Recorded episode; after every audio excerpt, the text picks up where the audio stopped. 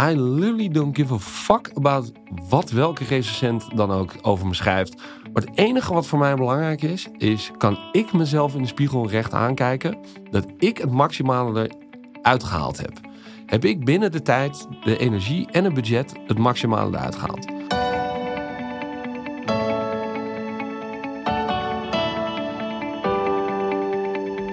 Yes, en welkom bij een nieuwe aflevering van Make. Mijn naam is Chris Pauw, ik ben filmmaker en regisseur. En ik wil graag zoveel mogelijk leren van andere makers. Daarom ga ik in deze podcast in gesprek met creatieve makers die mij inspireren. In de hoop ook jou te inspireren om te blijven maken en groeien. En deze week ga ik in gesprek met regisseur Bobby Boermans. Bobby's liefde voor film begon al op jonge leeftijd. Hij groeide op boven de Schram Filmstudio's in Amsterdam-Noord. En met een vader als regisseur en een moeder als producer zat het filmmaken in zijn bloed. Nadat hij montage studeerde op de Nederlandse Filmacademie, vertrok hij naar Hollywood om daar verder te leren bij de American Film Institute. En daar stond hij op set met grote Hollywood-regisseurs en werd zijn vlam om hetzelfde te gaan doen groter en groter. De jaren daarna kreeg hij in Nederland de eerste kans om zelf dingen te gaan maken. Commercials, tv-dingen, speelfilms. En zo wist Bobby met zijn oneindige drive en passie stap voor stap verder te komen. En nu is hij regisseur van een paar van de grootste en meest spannende series van Nederland. Mokromafia, Hoogvliegers, Het Gouden Uur. Allemaal series met actie, spektakel. Voor Bobby kan het niet groot genoeg en hij is altijd op zoek naar dingen die nog nooit gedaan zijn. Hij zoekt de grenzen op en hij wil vernieuwen en verrassen. En zo zag Bobby ervoor dat al jaren elke dag voelde als een vrije dag. Omdat hij simpelweg niets leukers vindt dan films maken. Bobby, welkom bij Make, man. Ja, dat is een, uh, het is een soort biografie waar je naar luistert. Maar, maar wel uh, super vet. Je hebt goed je research gedaan, zeg. Tering. Nou ja, eh, ik heb nog heel veel details heb ik weggelaten Oh, ja. eigenlijk. Want, Ja, ja, ja. want je hebt al best een, een rit erop zitten volgens mij. Eh, ja, inmiddels wel, ja. ja, ja inmiddels eh, zijn we ook wat ouder. 41 geworden. En, Zie je eh, nog niet, hoor. Nou, zo voel ik me wel. Nee, en daardoor bouw je gewoon ervaring op. En, eh, en denk je opeens van, jezus, eh, inderdaad, eh, nu toch wel een soort rugzak met, met dingen die je gedaan hebt. eh, eh. maar ja, het over, dat overkomt je ook een beetje. Dat is, eh, dus ik, ik sta daar eigenlijk nooit zo heel lang bij stil. Hmm. Ja, gewoon lekker doorgaan. tot je doodvalt. dat, Eh, sterven in het harnas ooit. Ik hoop het wel, als het me fysiek gegeven is. Ik denk dat dat eigenlijk het grootste ding is, zeg maar, de, de fysiek je lichaam. Dat, maar ik denk mentaal. Ik denk dat dat ook heel belangrijk is als, als, als filmmaker, maar ook als mens, is dat je gewoon mentaal eh, jong blijft. Zeg maar. ik, ik, ik voel me mentaal echt nog steeds ah, die, die jongen op het schoolplein, zeg maar, die eh, stiekem aan het spijbelen is en, en die met zijn vriendjes eh, leuke dingen kan doen. Nou, misschien niet 18, maar wel 21. Zo voel ik me wel. Mentaal. Het enige is je, je lichaam wordt, wordt Ja. ouder. Dus En hoe komt het, denk jij, dat je je nog altijd gewoon een, jong, een jonge god voelt eigenlijk? En dat je die energie en die jeugdigheid nog... Jonge god. nou, ik denk omdat ik... eh, eh, ja, ik denk wel een paar dingen. Ik denk dat het, dat het te maken heeft dat ik in Amsterdam woon. Ik woon in het centrum. Eh, ik zoek het vertier ook op. Ik heb die drive en die hoge pieken...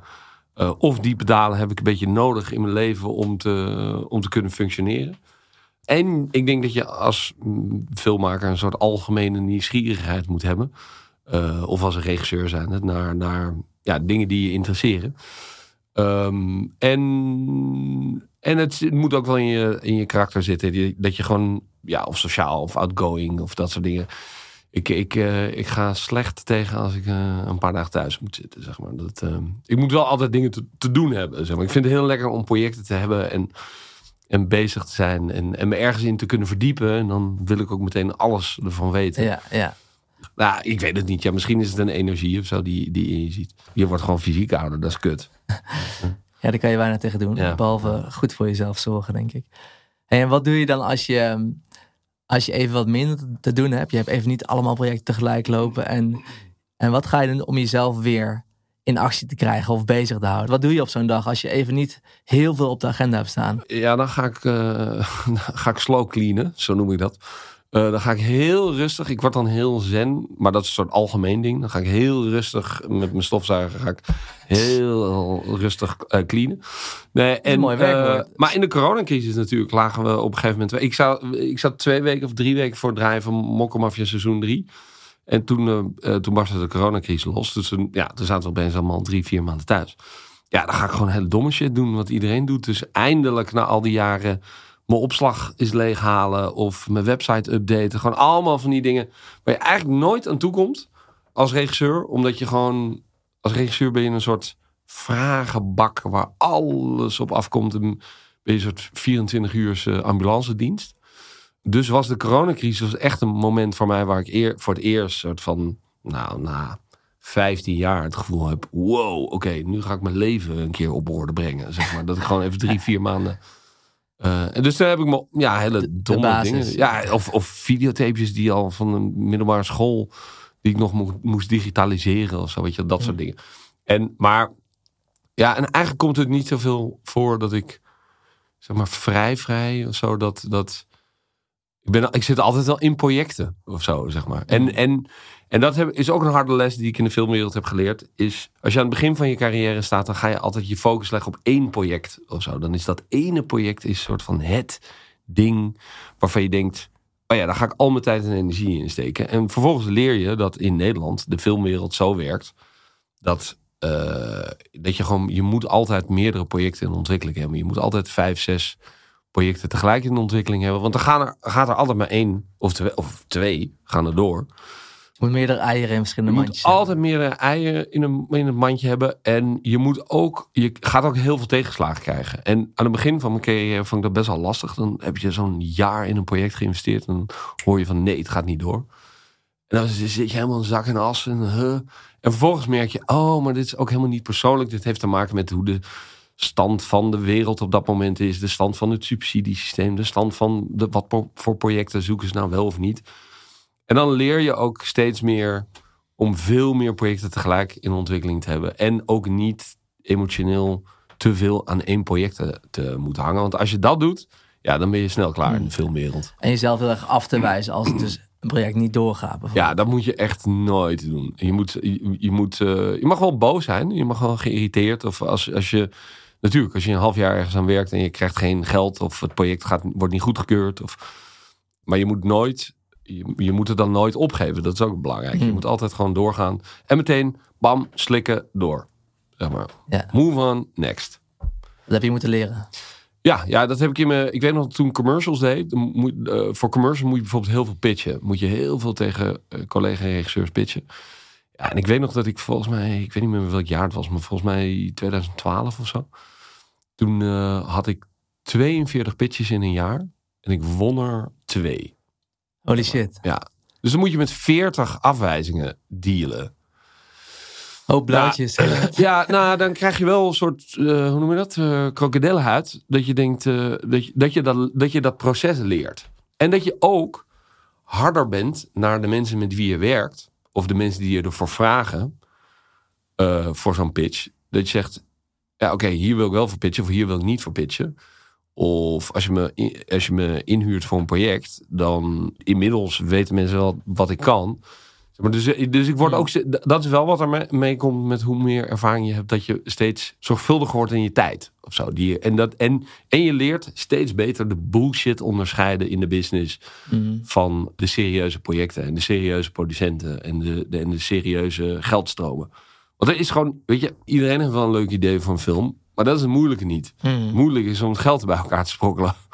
Dat het ook echt gemaakt kan worden, ja. Ja, ja. ik bedoel, uh, vraag, iedereen heeft wel een idee, toch? Iedereen, uh, bij elke bakker heeft wel een idee over uh, een goed idee voor een film. Maar hoe krijg je het nou gefinancierd? Dat is, dat is het, het grootste spel, zeg maar. En dat is ook wat ik heel erg geleerd heb, is dat dat is ook de helft van je werk. Los nog van regisseren. Dat is bijna dus een, uh, een, een producentenpet die je af en toe opzet. Nou, je, bent, Zeker, je, hebt, je hebt ook een eigen productiehuis natuurlijk, samen met een paar anderen. Maar die rol neem je af en toe bewust mee naar het regisseren. Want anders, kun je, anders kun je niet gaan regisseren, bedoel je? Totaal. Ik denk dat de helft van je werk is je netwerk. Dat, uh, en dat, dat is ook iets wat ik in Amerika bijvoorbeeld heel erg... Dat was letterlijk dag één, toen ik daar kwam. Zei Jean Picker Furstenberg, God Have Her Soul. Nou, dat is een soort de grande dame van de Amerikaanse film achter de schermen, zeg maar. Echt een oma toen al. Maar die zei het meest belangrijke wat je hier ook gaat meenemen is je netwerk. En, uh, en het proces van daarmee bezig zijn. Ehm, dus jezelf verdiepen, jezelf verdiepen in het dagelijkse. Wat speelt er dagelijks in de filmwereld? Wat speelt er dagelijks in de Nederlandse filmwereld?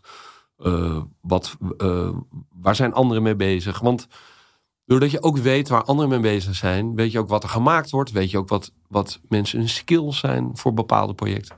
Dus ik, ik ben ervan overtuigd dat de helft van je werk is, is dat. Is ook netwerken en, en het landschap goed kennen. Het, het, landschap goed kennen van het, van het vakgebied waar je in werkt. En ik heb zoiets van, ook al heb je nog helemaal niet een positie van status of whatever. Je kan maar beter in dat landschap werken. Dus je kan maar beter op een set. Of, uh, ik heb ook alles gedaan. Weg afzetten, sneeuw scheppen, runnen, camerassistentie, gripassistentie. Gewoon tien jaar lang keihard gebuffeld. In alles. Maar je kan maar beter dat doen, dat je in die sector werkt, dan dat je zegt, ja, ik ga bij de Appie Heijn werken en uh, iets anders doen, zeg maar. Want, dat, want het is elke dag dat je in deze business werkt, leer je weer wat. Tuurlijk, en nu, nu ben je een stuk verder en, en praat je ook vanuit je regisseurspositie. Ja. Uh, en mag je hele mooie projecten doen. Hoe voelde jij je in die tijd toen jij tien jaar lang uh, de weg af aan het zetten was en, en grip deed? Kon je toen al zien dat dat nodig was om misschien te komen waar je nu bent? Ik kon het niet zien, maar ik denk wel dat ik dat altijd onbewust heb gevoeld. Van je moet gewoon kilometers maken. Je moet kilometers maken. Je moet ervaring opdoen. En tot op de dag van vandaag gaat dat gewoon door. Weet je wel? En dat, dat houdt nooit op. En ik zag wel andere mensen uh, van mijn generatie die uh, vrij snel of gingen regisseren of een bepaald, uh, bepaald ding waar ze heel goed in waren, heel veel succes mee hadden. En frustreerde dat je? Nee, nee, maar wel dat ik dacht van, oh ja, maar dat is niet mijn route. Mijn route is gewoon heel veel doen, heel veel ervaring op doen. Elke dag grinden, gewoon die stappen maken omhoog. Uh, uh, van videoclipjes, van commercials, van uh, camera-assistentie, van halve pornofilms tot alles. Gewoon. uh, want dat is ook letterlijk de enige, enige, manier waarop ik het kan. Ik ben niet een soort extreem talent, een soort Messi die op zijn zestiende al uh, een visie had, over. een visie had over wat film maken is. Totaal niet. Echt, ik, ik, ik vond het heel vet. En, maar ik was gewoon die guy op de filmacademie die gewoon lekker wijf aan zijn muur had en actiefilms. En ik vond Bad Boys gewoon heel vet, zeg maar. En ik vond gewoon de dingen tof die ik in de bioscoop zag, die ik gewoon tof vond. Maar ik, ga, ik gewoon, ging echt geen moeilijke Franse arthouse film kijken en daar dan een soort van in een café met mijn vrienden heel intellectueel over nee. nadenken. Dat was ik gewoon niet. Nee. Dus, en ik zag mensen die wel met dat soort, met korte films of met, of met een artistieke film of meteen een artistieke een, een prijs wonnen of zo. Die zag ik inderdaad van mijn generatie dat heel snel doen. Ja. Maar ik zag dan ook, oh ja, maar kut, dan ben je best wel beperkt. Want dan zit je alleen maar in dat hoekje en dan... En er is geen budget. En, uh, nee, ja, en je wordt gefrustreerd ook. En ik, ik herkende het ook heel erg van mijn ouders. Die zaten ook heel erg in dat subsidiewereldje en zo. Ben je alleen maar afhankelijk van andere mensen. Zo. Ik dacht, hell fucking no dat ik dat wil. Dus ik ga gewoon lekker in die commerciële hoek. En, uh, en het ding is, ik vind dat ook gewoon vet. Ik vind het gewoon vet om de dingen die ik maak, vind ik ook gewoon oprecht vet. En ik hoop dat andere mensen het ook vet vinden. Maar ja, ik heb niet zoveel met die wat status of wat andere mensen van me denken. En tuurlijk, je bent ook echt wel onzeker. En ik weet ook hoe mensen over mij denken. En ik denk eh, dat mensen altijd zien dat ja, maar Bobby die doet whatever, die doet van alles en het ziet er allemaal niet uit. En, uh... Maar dat is wel doordat je zoveel ervaring hebt en mm. gewoon in Amerika ook dat je gewoon alleen maar dag in dag uit op de set staat. Uh, als schoothond, zeg maar. Gewoon heen en weer ge, gebonjourd en gebitcht wordt. Ja. Dat je daardoor ja, wel gewoon mega veel ervaring hebt. En die ervaring, die komt nu heel erg van pas in hetgene wat ik doe. Dat je toch eerder weet, oh ja, maar dat werkt zo, dat werkt zo. Ja, maar dan moeten die dolly track moeten daar liggen. Ja, dat gaat sowieso zo lang duren. Dan kan ik beter op mijn movie dat draaien. Dat helpt allemaal bij het nog sneller kunnen oplossen van problemen in de moment. Wat, ja, want mensen je grootste gewoon, taak is. Uh, precies, want mensen kunnen je gewoon niet bullshitten op shit die je niet weet. Ja. Omdat ik het wel weet, omdat ik het gedaan heb. Ja. Zeg maar. En nog heel even terug, wat je dus net zei over dan die mensen die op de filmacademie dan wel arthouse films maakten. Ik vind het wel mooi dat jij zegt van hell no, dat is niet mijn richting. Dat je eigenlijk terugging naar jezelf en, en gewoon van jezelf uh, wist, ik wil gewoon vette, harde, commerciële shit maken. Want ik kan wel eens naar die mensen kijken die ik nu van mijn generatie, die hele creatieve, artistieke, ja. abstracte shit maken. Ja. En dan mezelf naar beneden praat van, zie je wel, je bent niet zo creatief. Je bent niet zo artistiek als hun.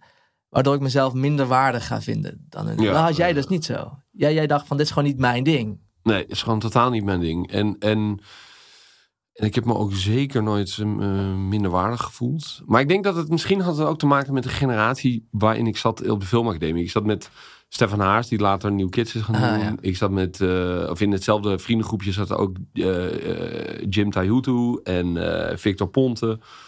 Eh, Arne Tonen zat er ook in. Ehm wat, wat editors. We waren eigenlijk allemaal best wel met Hesdy Lomwijk. Een stoere gast allemaal. Nou, nee, maar allemaal best wel met een groepje die... die wij gingen gewoon, zeg maar, naar Pathé de Munt en dan Tropic Thunder kijken met z'n allen. Ja, en dan lagen we helemaal in een deuk. En het was misschien ook een soort shift dat commercieel hoeft niet per definitie slecht te zijn. Helemaal niet. Commercieel kan heel erg goed zijn. En ik denk dat dat ook een soort mindset was die toen in onze generatie binnen, binnen de filmacademie, in ieder geval bij, de, bij mijn vriendengroep op de filmacademie toen, waarvan mensen in commercials, in film, in allerlei verschillende takken van sport zijn beland. Maar ik denk dat dat eh, in mijn generatie was het toen al een beetje duidelijk van ja, het maakt niet uit wat je doet, weet je wel, als het maar als, maar, als je het zelf ook maar leuk vindt. Als je dat vet vindt. Nou, het is een beetje hetzelfde als nu, wat je nu hebt, zeg maar, met de nieuwe generatie met influencers. Ik bedoel, wij kunnen allemaal wel zeggen van ja, nee, je moet een solide baan hebben. Maar hell no, je kan nu je geld verdienen door een beetje, weet ik veel, een sieradenlijn daar te doen. Een beetje acteren daar, doe daar een sportschool. Daar doe je een beetje influencen. Hier prijs je wat product aan. Ja, daar verdien je tien keer meer mee dan dat ik verdien, zeg maar. Ja. Dus zo, who the fuck am I to judge? Dat is, eh, en dat hadden wij, denk ik, in, in onze generatie op de filmacademie. Toen ook met commerciële films. Dat wij gewoon zagen van, ja, dat soort films zijn... eh, eh, wij hadden altijd de term, eh, oké, maar doe jij het? Zeg maar.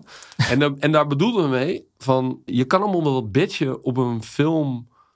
Want we kregen dan op de filmacademie kregen allemaal les en dan kwamen de filmmakers. En dan kwam, weet ik veel, Johan Nijhuis of andere makers... die wat meer in het commerciële segment zaten. Die kwamen dan langs. En dan merkte je zo in de klas van... oh ja, maar dat is lagere cultuur en zo. En ik merkte altijd met mijn vriendengroep... hadden we dan een soort van... oké, maar kan jij het? Nee, je kan het niet. Dus hou je dus bek. shut the fuck up. Go sit in the corner. Bewijs eerst maar eens even dat je het kan. En dat heb ik voor mezelf altijd als een soort mantra gehouden. Van bewijs eerst maar dat je het kan. Bewijs eerst maar dat je televisiedrama kan gaan doen. Bewijs eerst maar dat je met grote eh, crews eh, om kan gaan. Weet je wel? Voordat je een soort van eh, heel intellectueel en interessant gaan doen. Ja, tuurlijk. Ik hoop ook ooit een gouden palm te winnen. En ik zie ook nu steeds meer dat oh ja, als je al die tools beheerst, dan kan je steeds meer naar je eigen stijl en je eigen ding toe gaan werken. Maar je eigen stijl is ook iets wat je overkomt. En een eigen stijl is ook weer tegelijkertijd heel limiterend. En dat is niet. Dus ik zie mensen die heel goed zijn in één ding. En denk ik, oh ja, maar dat is, dat is best wel kut. Want dan kan je eigenlijk alleen maar dat ding. Dus als je- een soort, eh, ik moet denken, meteen denken aan een soort Wes Anderson. Dat vind je, eh, waar, waarin vind je dat? Nee, vind ik, vind ik super vet. Daar niet van. waarin vind Nou, je laat ik zo zeggen. Kijk, als ik Wes? Anderson zou zijn, dan zou ik heel veel geld hebben. Dus dan zou ik ook dan zou ik dikke scheid hebben. Maar in Nederland zit je in een systeem gevangen... dat er gewoon heel weinig films en projecten worden gemaakt. Ja. Eh, en ja, als je dan één hoek kan of zo... Dan, dan word je alleen maar voor dat gevraagd. En wat ik er lastig aan vind... Hmm. is dat je dan als filmmaker en als mens... dat je dan niet leert. Dus ik denk bijvoorbeeld zo iemand als. Martin Scorsese. Die Mhm. doet en een kinderfilm met Hugo. Maar die doet ook eh, keiharde gangsterfilms. Maar die doet ook een Wolf of Wall Street. eh, wat ook weer comedy is. Dus je ziet eigenlijk dat zo'n filmmaker als Martin Scorsese... eigenlijk een heel breed scala heeft aan genres die die doet. Mhm. Eh, Spielberg hetzelfde. Doet ook een heel breed, een heel breed scala aan genres. Maar op een gegeven moment zijpelt de kwaliteit van wat de, de smaak is van een filmmaker die zijpelt er wel doorheen. Maar als je je gaat vastleggen op één genre, dat, vind ik, dat zou ik heel lastig vinden. Dus ik heb bijvoorbeeld een horror gedaan, ik heb een comedy gedaan, ik, ik zit nu helemaal in het actie-thriller segment, maar wel altijd een beetje aan de commerciële kant, denk ik.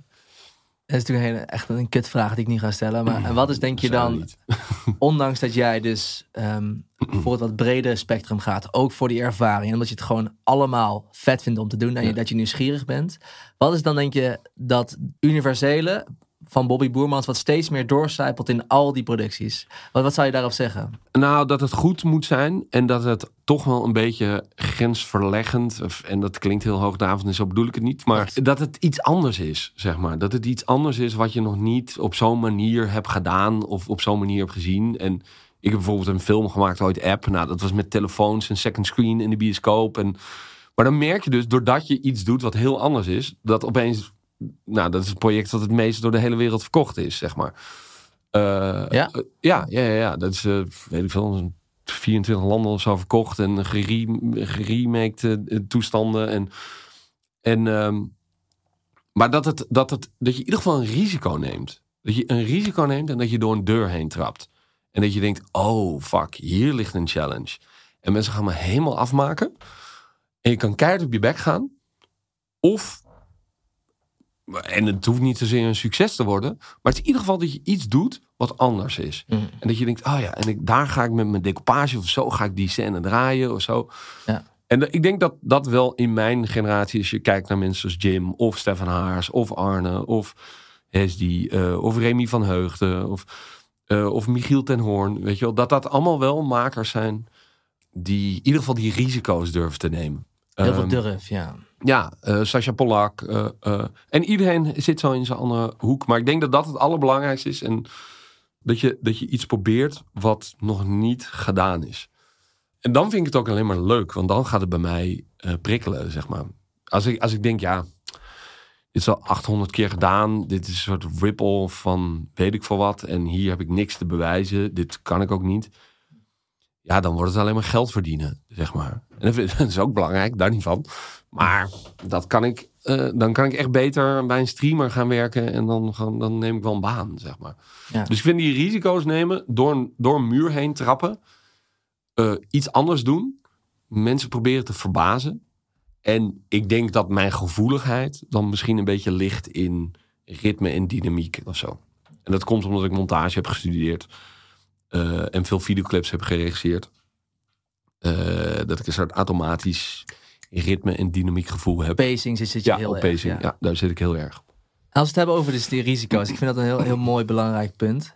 Wat denk je een groot risico wat jij in je beginjaren van je carrière hebt genomen, waar jij nu nog steeds de vruchten van plukt? Nou, ik denk dat dat een soort aaneenschakeling is. Dat het een aaneenschakeling... En het klinkt heel kut, want daar heeft geen enkele filmmaker natuurlijk wat aan. Maar ik denk wel die mindset van risico's nemen, constant. En scheid hebben aan wat mensen van je denken. Dat dat me in ieder geval tot waar ik nu ben heeft gebracht. Het zijn allemaal kleine schakeltjes. Dus Ja. het begint bij je eerste videoclip doen. Ik, ik weet nog dat ik mijn eerste videoclip deed. Dat was Moppie Moppie voor Lange Frans. En, eh, moppie, moppie, die. ja, zeker. Ah ja, sick. En, eh, en ik zag alleen maar de hype van, eh, de, van de Hype Williams videoclips en de Benny Booms en de Little X en gewoon al die R&B, hip-hop, glossy, Hoochie Mama videoclips. Maar dat was in Nederland was het helemaal niet zo. In Nederland had je Extins, dit was de enige Nederlandse rapper. En Brainpower deed Engelstalig. En voor de rest was alles Engelstalige, zeg maar Nederlandse hip-hop. Ja, Oslo Possie had je een beetje met Lijn 5. Maar dat was letterlijk het enige. Wat nu met Frenna, Lijpen en nou, alles wat er nu is eh, gewoon gemeen goed is. Dat was er toen nog niet. En, en ik kende Lang Frans van Café Rens Amsterdam. Gewoon van achter de bar. was gewoon een vriendengroep.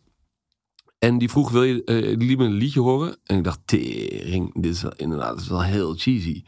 Maar volgens mij, als we het zo en zo en zo doen... en we gaan een beetje die Amerikaanse glossy vibe erover doen... volgens mij is Nederland daar best wel klaar voor. En volgens mij heb ik best wel de skillset om het op zo'n manier te regisseren. En, je, en nou, dat deden we toen, dat werd een hit. En je merkte eigenlijk dat die videoclip en, en veel projecten die we daarna ook hebben gedaan met al die makers, eh, best wel een beetje de deur heeft geopend voor Nederlandstalige hip-hop. Los van dat dat natuurlijk ook in de muziekscene zat op dat moment. Maar, maar dat we dat zowel de muziekscene als de eh videoclip zien, die vonden elkaar helemaal. Nou, en dan neem je een risico dat je probeert een soort genre te introduceren in Nederland wat nog niet gedaan is. In dit geval hip-hop videoclip genre. Ja.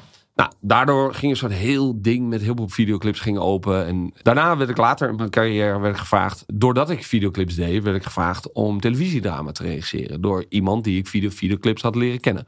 Rachel van Bommel, de producent van Mail Film, die vroeg: uh, zou je een aflevering uh, televisiedrama willen regisseren? Nou, ik snapte echt totaal niet hoe je dat deed. Het was voor mij een soort hogere wiskunde. Ik snap, ik snapte het gewoon echt niet. Maar dat had ik ook met videoclips.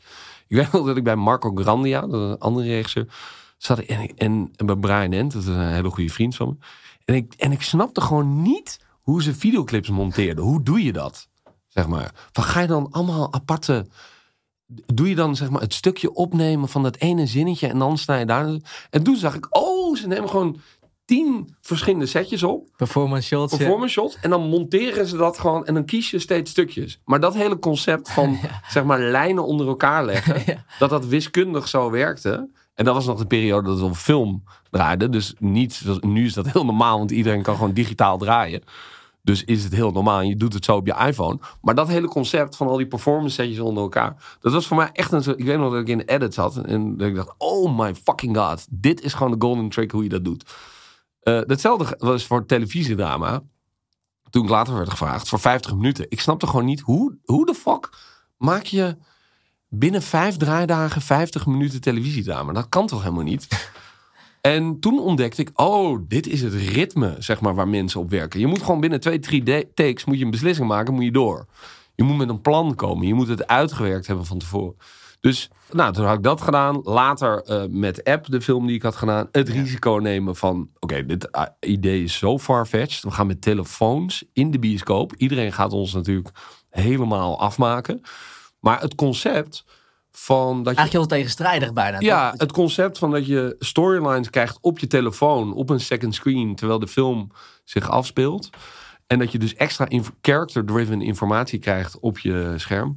Dat concept is, was vernieuwend. En dan denk je, ja, fuck it, let's jump off that cliff and see where we end up. Mhm. En, uh, uh, en hetzelfde geldt voor Mokkelmafia. Toen ik dat, toen ik dat binnenkreeg, dacht ik, oh my god, wat is dit zwartgallig en duister, ja. duister, maar wel in de scripts lees ik een soort taalgebruik wat je nog niet gezien hebt. En ik denk, als ik het zo en zo en zo doe.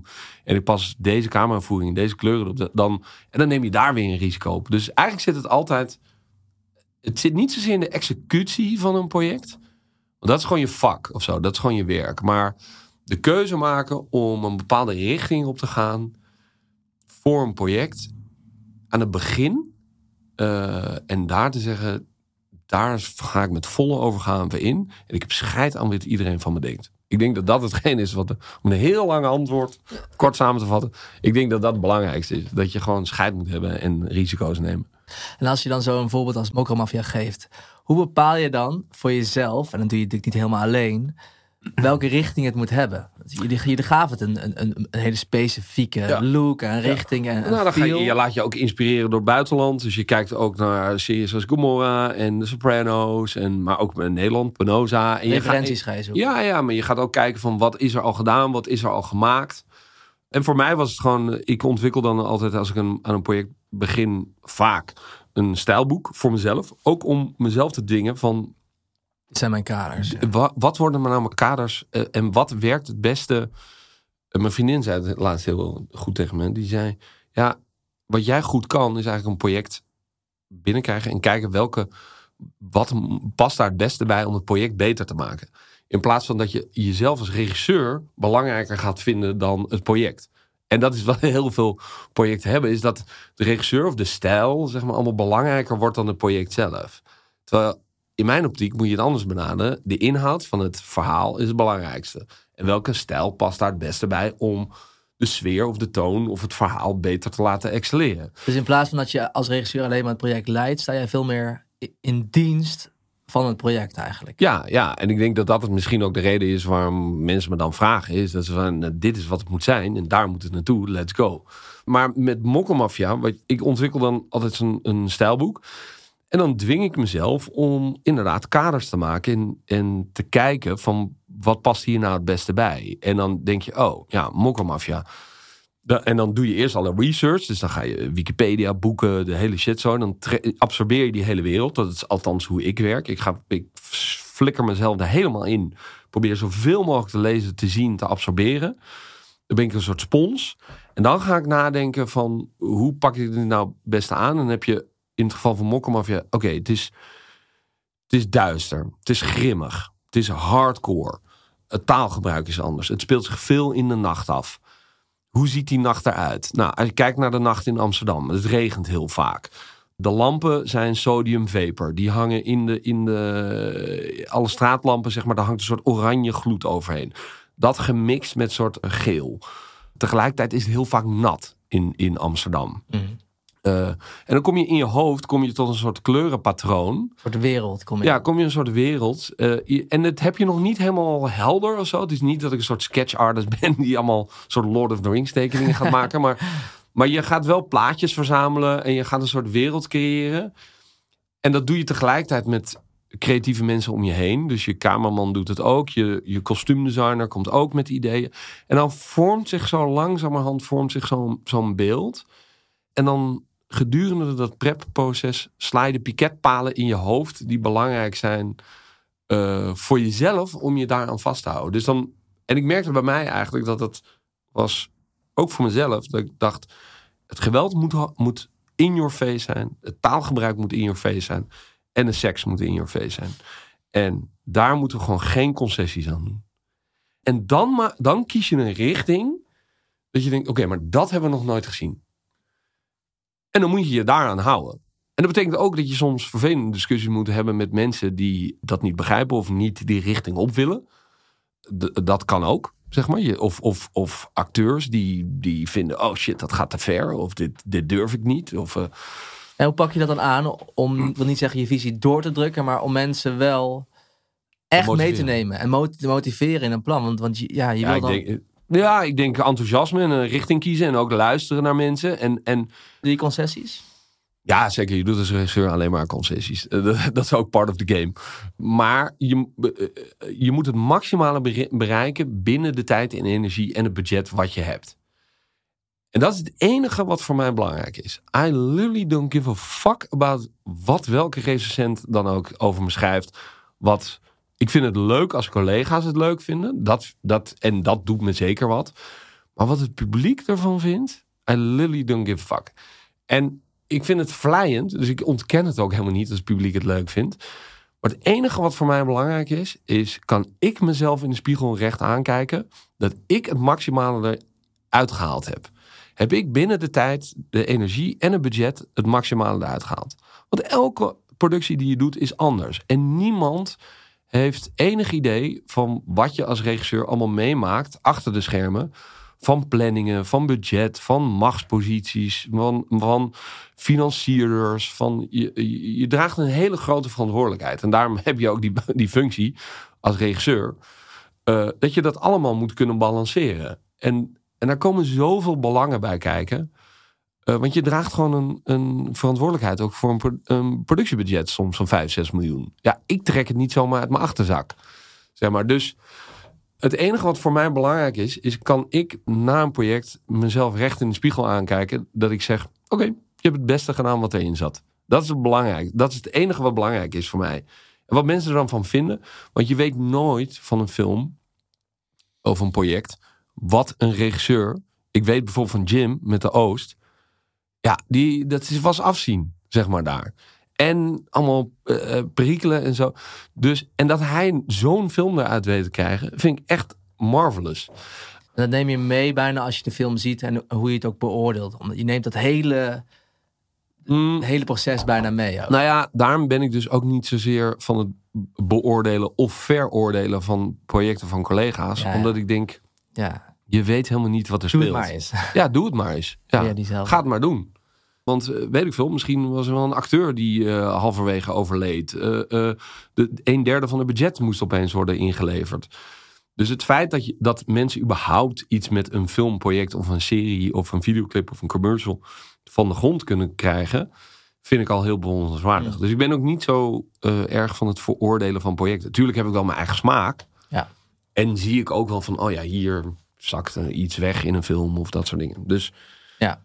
ja. Maar ja, dat is, dat, dat is hoe ik ben. En wat zijn een paar, paar grote tegenslagen die, die je hebt moeten voortduren in, de, in, deze, in het beklimmen van die ladder, zeg maar? Uh, nou, dat jaar wat ik benoemde in 2012 van de 42 pitches die je dan niet wint en 40 eh, pitches die je niet wint en, en maar twee. Dat was wel echt een kutjaar. toen voelde ik me echt down. Ja, dat snap ik heel goed. Want dat is gewoon zoveel afwijzing kun je bijna niet aan als een mens. Nee. Ik was nog wel benieuwd daar, als je erop terugkijkt, nog weet waarom je die twee wel won. Of, of dat het misschien puur geluk was. Of, of zat daar ook iets, deed je dan bij die twee nog extra je best? Waren dat projecten Nee, die ik denk letterlijk-? Nee, ik denk letterlijk dat ze gewoon dachten... oh ja, maar als hij het doet, dan komt het wel goed. Maar ook een soort van, ja, we hebben gewoon iemand nodig die het moet doen. Zeg maar. Eh, De anderen zijn waarschijnlijk niet beschikbaar. Dus Oké. Daar zat helemaal niks speciaals achter. Nee, en ik weet nog, ik heb één keer eh, echt, zou ik een korte film doen. En daar had ik een soort van heel mijn ziel en zaligheid in gelegd. En dat was in de periode dat nog NTR korts er waren. En dan moest je dan 10.000 keer voor applyen. En dan won je hem zo 800 keer niet. En, en toen eindelijk dacht ik, oké, dit scenario... Het was een heel klein kort scenario van 10 pagina's. Ik dacht helemaal, dit snap ik helemaal. Dit gaat ook helemaal in mijn vezels en mijn DNA zitten. En, en toen was ik ook, eh, weet ik veel, 22 of zo. En, en ik wou zo graag dat project doen. En ik had er heel veel tijd en energie in zitten. En toen belde een producent, belde me. En zei, ja, nee, sorry, we, we gaan het toch met iemand anders doen. Eh, en toen kreeg ik echt een tegenslag. En toen, toen heb ik huilend, ik weet nog, was tijdens het filmfestival, heb ik huilend in Utrecht op een bankje gezeten. Ik dacht, tering, wat een low point. En dat heeft me toen heel erg gemotiveerd. Dat ik dacht, fuck you. Ik ga hier keihard overheen. En dat heb ik ook gedaan. en ik hoef ook nooit meer met die producent te werken. Dat is, eh, dat is eh, en ik ga zijn naam ook niet noemen. Maar nee, want ik maak ook hele andere dingen dan die producent. Maar ik dat heeft me wel enorm gemotiveerd. Dat ik dacht van, eh, ja, dan komt er toch een soort Michael Jordan mentaliteit in me. Dat ik denk, fuck you, dan ga ik ook acht keer over je heen. Zeg maar. Dan stamp ik er ook helemaal overheen. Ik weet nog dat ik dacht van, oké, maar je begaat nu zo'n grote fout. Want er is niemand op de aarde die beter deze korte film had kunnen maken dan ik. Hm. En je kiest nu vanwege, weet ik veel, omdat, omdat ik nog een jonge filmmaker ben, omdat ik nog niet goed lig bij het fonds of whatever. Je kiest nu vanaf, vanwege politieke redenen, kies je eh, een andere filmmaker. Terwijl je weet dat ik de beste filmmaker ben voor dat project. En dan leer je ook, oh ja, het, is dus, het gaat over veel meer dan systeem alleen maar. bijna. Het gaat over het systeem en gewoon de filmmafia binnen Nederland, zeg maar. Al die mensen die op allemaal in posities zitten. die- Filmmafia, die heb je nooit gehoord. die ja, term. die gewoon allemaal van positie naar positie schuiven. En elkaar een beetje. zo- En, en baantjes. En dan ga je daar weer naar een toppositie. En daar weer een toppositie. En, dan, Ja. en toen dacht ik ook van. eh, oh, dat, dat le- leerde ik toen heel erg. Oh ja, het is gewoon een soort heel systeem. En toen dacht ik, ja, fuck you. Dan ga ik ook keihard over je heen. En dat is ook denk ik een van de redenen waarom ik me met veel belangenverenigingen me ook hard maak in. En ik ben bestuurslid van de DAF. Ik ben bestuurslid van Shortcut. Eh, en ik bemoei me met heel veel dingen. Dat ik, ik kan slecht tegen onrecht, zeg maar. En dat motiveert me dan juist om, eh, om me ergens voor in te zetten. Ja. zeg maar. Ik vraag me ook af of deze, deze drive van mensen laten zien van wat je in je hebt. Is dat ook iets wat in jouw jeugd terugkwam? Dus Ik, ik las bijvoorbeeld een, eh, een best wel mooi verhaal in, in een interview van jou. Dat jij jaar of 14, 15 was en een keer met je vader volgens mij meeging naar een van zijn intellectuele. Ja, ja, ja, kunstzinnige toneelstukken. Want ja, je vader Damn, zat je hebt echt goed research gedaan. allemaal Ja. hele diepe Fransachtige eh, stukken. Duits En- in dit geval. Duits, ja. En ik las een stuk dat jij meeging naar die voorstelling. En die voorstelling bleek te gaan over een jongen die niet kon voldoen aan de verwachtingen van zijn ouders. en dat jij daar heel erg van verslag van raakte. ja. Toen vroeg ik me af, ja, hoe is het nu met dat jongetje? En is, dat, is dit dezelfde dynamiek die je nu uitlegt over, over toen die korte film niet doorging? Ja, nee, ik heb die boog voor mezelf zeg maar, wel moeten maken. Maar ik ben inmiddels echt totaal oké met waar ik ben. En, en, eh, en dat komt ook inderdaad omdat je gewoon op een gegeven moment... Nou, zoveel seizoenen en zoveel ervaring. En op een gegeven moment doet het er allemaal niet meer toe ook. Omdat je, ja, gouden kalf, succes, whatever. Iedereen pakt wel een gouden kalf op een gegeven moment. En, en, en, en Nou, dat weet ik niet. Nee, maar ja, ik bedoel, het, het is gewoon, daar draait het allemaal niet om, weet je wel? Niet. Nee, het is gewoon, en, en wat andere mensen inderdaad van je vinden, daar draait het allemaal niet om. Maar ik denk wel dat, ik heb wel, me, mijn vader inderdaad zit heel erg in het eh, serieuze toneel. En, eh, en al mijn ou- ouders zitten best wel in de serieuze hoek. En, en ik heb wel een fase gehad dat ik me inderdaad daarvan heb af moeten Nou, ja, af moeten zetten misschien niet. Eh, Ja, dat is ook. Ik, ik heb een tijdje in Amerika gezeten. Dat is daar, heeft daar misschien wel mee te maken. Misschien moeten realiseren dat je ook anders was. Andere smaak Ja, had. precies. En, en daar maar daar, ik was wel vrij jong dat ik gewoon, en dat had ik op de filmacademie al, dat ik dacht, ja, ik vind gewoon oprecht niet leuk wat jullie maken. I don't get it. I, ik snap het niet. Ik vind het, ik vind het saai. Ik, vind het, ik word niet entertained. Ik vind, het gewoon, ik vind het gewoon oprecht niet leuk, zeg maar. Dus why should I do it? En waarom raakt je dan zo van slag toen? In dat, omdat het heel erg ging inderdaad over een jongen die in een soort intellectueel gezin opgroeit en uh, die niet aan de verwachtingen van zijn vader uh, kan voldoen. En uh, ik zat denk ik toen, en ik was toen denk ik 15 of zo, ook in een fase dat ik gewoon ook niet wist van ja, wat moet ik nou, wie ben ik? Ik zit in een soort met allemaal mensen die in de filmwereld zitten en die allemaal heel serieus zijn, terwijl ik ben dat helemaal niet. ik, kan, ik snap het ook niet, ik kan het ook helemaal niet. En ik denk dat dat wel hetgeen is wat, mijn, wat in ieder geval mijn familie heel goed heeft gedaan. Dat ze ook. Dat is denk ik het allerbelangrijkste. Ongeacht wat je kind nou doet. Dat je. Of uh, wat voor werk hij ook doet. Dat je trots bent op je kind. En, en dat je hem motiveert in hetgene wat hij doet.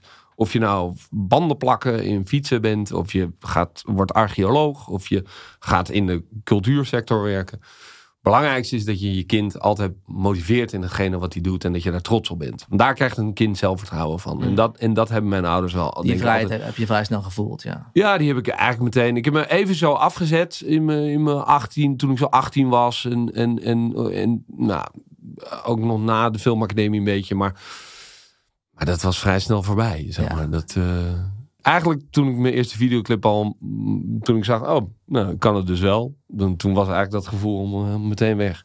Ja, er werd ook geen groot levensdoel om zijn succes te evenaren. Of dan nee, ging je gewoon je eigen pad. Nee, uh, totaal niet. Nee, daar maken we ook altijd heel erg grappen over, zeg maar. Dat, dat, ik bedoel, uh, mijn vader die heeft zo'n een soldaat van Oranje met 3 miljoen bezoekers. Maar ja, wij maken hem ook al maar via met 50 miljoen streams. Dus Bring it on. het, uh, nee, en ik merk ook met uh, bijvoorbeeld met mijn vader, maar ook mijn stiefvader en mijn moeder. En, uh, we zijn allemaal anders en we hebben allemaal, maar we proberen elkaar wel te helpen. En je hoort van elkaar en je ja. probeert van elkaar te leren ook. Dat is ook vet. Als je het dan hebt over dat spectrum. Het is niet dat er een soort competitie is. Nee, dat, je hebt dan juist ook verschillende kleuren gezien, wat jou misschien ook weer rijker heeft gemaakt. Zeker, zeker. En, en, je maakt elkaar rijker. Precies, en je ziet dus ook heel erg, en dat, dan neem je ook heel erg mee, van ouders die wel in een subsidiesysteem uh, moeten functioneren. Dat je ziet, tering, die mensen worden er ook niet gelukkig op. En dat je denkt, ja, ik, ik zou niet ik word gewoon niet gelukkig daarvan, zeg maar. Van één project, uh, moeilijk, arthouse, uh, drie jaar in Bolivia, weet ik veel wat. Ik word er gewoon niet gelukkig van als mens, zeg maar. Dat, en dat is toch wel het allerbelangrijkste. Dat ik een beetje lekker in mijn vel wil zitten. Oeh, dat ik een beetje lekker in mijn, in mijn vel uh, moet zitten als mens, zeg maar. En, dat ik, ja, tuurlijk. En ik zie gewoon zoveel filmmerkers om me heen... waar ik een soort woede om te bewijzen, zeg maar, voel... Maar dan denk ik, oké, maar voor wie ben je dan aan het bewijzen? Voor, voor de filmwereld, zeg maar? Dat je denkt van, vind je dit nou oprecht het leukste project om te doen? Of doe je dit omdat je er een prijs mee kan winnen en denkt dat collega's je dan heel erg serieuzer gaan nemen en dat je daardoor je status omhoog gaat? Daarom vind ik het oprecht ook heel tof. Bijvoorbeeld zo iemand als Michiel ten Hoorn. Vind ik super tof, omdat hij gewoon... Die doet verschillende dingen, heeft wel zijn eigen stijl. Maar die maakt dan zo'n Hotel Sinestra. Wat gewoon een superleuke kinderfilm is. Gewoon een soort Spielberg ding. Ja, de, de, en dan denk ik, oh ja, maar dat snap ik. Want je gaat gewoon met een ploeg naar zo'n hotel. Je gaat met een bunch of kids. Ga je zo'n film maken. Die film is hartstikke leuk. Um, dat snap ik dan. Maar soms zie ik ook film, filmprojecten voorbij komen. Dat ik denk, tering. Why? Dat, ja, why should you in your life? Zeg maar. Ja, ik heb een. Uh... is wel heel erg, want mensen gaan nu echt denken dat ik dit allemaal bagitaliseer. Zo bedoel ik het helemaal niet. Maar het, het, het is meer. Uh, en alsof ik het allemaal niet belangrijk vind. Zo bedoel ik het allemaal niet. Het is een nuance natuurlijk, ja. Ja, ja en, maar het is meer van. Zorg dat je gelukkig bent in de, in de dingen die. Laat ik het zo zeggen, ik zie heel veel makers die dingen maken waarvan ik denk: het kan niet dat jij dit leuk vindt. En dat je een leuke productieperiode hebt gehad. En ik zie het op de première, zeg maar. Ja, ja, ja. En ik zie het aan hoe je als mens bent, zeg maar. Dat, dat je gewoon... Nou, dat is wat ik eigenlijk eerst in mijn intro wilde schrijven. Is dat jij uh, dus een soort oneindige passie en drive hebt. En ik, en ik lijk die energie ook terug te zien in je werk. Dat het gewoon ik kan me voorstellen dat jij, dat jij het gewoon fucking vet vindt om op die set te staan. En daar Ja, gewoon met, met, met, echt heel veel plezier aan werkt. En ik denk dat je die energie toch terugvoelt in, in werk wat je ziet. Dat ja, denk ik nee, wel. en, eh, en dat je ook op een menselijke en een soort vriendelijke manier met mensen omgaat. En, en je werkt met een ploeg en die moet je proberen te motiveren. En, en eh, het heeft niet zoveel zin om mensen alleen maar af te branden en zo. En tuurlijk, mensen maken ook fouten en die mogen ook echt wel even eh gecorrigeerd. Of nou ja, niet gecorrigeerd, niet als ze een tik krijgen. Maar, nee, maar daar moet je wel gewoon een open discussie over kunnen, kunnen hebben. Maar ik ben er ook een beetje van. Oké, we gaan een maximale proberen te halen. Maar kan dat niet? Oké, wat voor opties zijn er dan om wel iets maximale te halen? En ik ben toch een soort boys with toys. Dus daarom vind ik het ook leuk om met mijn collega's, zeg maar, ja, als we, als we een flatgebouw mogen laten exploderen, let's go. En laten we er ook van genieten. Ja, dan vind ik het ook echt hartstikke leuk. En dan zit ik wel full focus, zit ik wel, doe ik wel alsof ik het allemaal niet leuk vind. en als ik een project doe, dan ben ik ook een soort paard met oogkleppen op. En dan zit ik ook helemaal in die modus. En dan ben ik ook, eh, ben ik ook niet de allerleukste misschien. Maar ehm, Dat jongetje is er ook. Zeg maar. dat jongetje is er ook, ja. En ik vind het ook vet als we iets mogen laten opblazen. Tuurlijk. Ja. Dan, ben ik, dan kan niet met, niet met genoeg camera's op dat moment.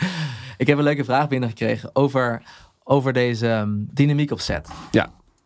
Hey Bobby, groot fan van het Gouden Uur en Mokkelmafia.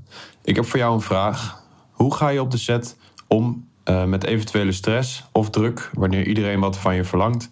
En eh, hoe manage je dat het best? Thanks, ik ben benieuwd. Grappig, ja. ja. Goeie vraag. Ja, vond ik ook. Ehm, Thanks, Pim. Hoe, thanks, Pim. Eh, hoe ga je ermee om? Tweeledig. We, eh, soms kook je van woede, zeg maar, op een set. Dat kan ook. Eh, zelfs ik. Eh, omdat- nou, je krijgt zoveel dingen op je af op een set. Helemaal als het grotere sets zijn met, met, met 200 figuranten en met toestanden. Krijg je zoveel dingen op je af die niet binnen jouw machtspositie liggen. Dus er, eh, en dan gaan er dingen mis. En dan denk je, ja, maar dit is nooit wat ik- zo heb ik het nooit bedoeld, die scène. Dus dan, hoe je ermee omgaat, is door proberen te beïnvloeden wat je kan. Proberen zo duidelijk mogelijk te communiceren met je ploeg. En dat op een rustige manier enigszins te doen. En een begrijpelijke manier. Maar je moet ook accepteren dat er dingen zijn die buiten je macht liggen. En dat moet je over je heen laten komen. En dat moet je in laten dalen. En dan push that shit down, zeg maar. Ja, en dan moet je dat verwerken. En, dan, en, en dat is natuurlijk allemaal een soort energie, zeg maar. Want die energie is niet altijd positief. Als je een slechte draaidag hebt, dingen gaan mis. En dan neem je die energie mee. Die neem je mee in de auto terug naar huis. Wat ik heel vaak doe, is dat ik een regieassistent heb. En die functioneert voor mij als een soort filter. En dan gaat die energie gaat naar de regieassistent. Dan praat ik het er allemaal uit. Allemaal woede en frustratie. Die regie- regieassistent die neemt het mee. Die stapt de auto uit en dan is het weg. Zeg maar. En dan drop ik nog een beetje van die energie bij mijn vriendin s'nachts. en misschien bij de ploeg. En dan is de volgende dag weer een nieuwe dag. Zeg maar. Dus ik, daar geloof ik wel heel erg in dat het, het is, wat mij betreft, allemaal energie. Die als je, een, als je een slechte dag hebt en dingen gaan niet zoals gepland, of de regen neemt het over, of de figuratie is te laat, of dingen gaan niet goed. Nou, dan heb je een kutdag. Ja, dan zit, iedereen, dan zit de ploeg niet lekker in zijn vel, zeg maar. En jij als regisseur al helemaal niet. En dan ben je ook boos.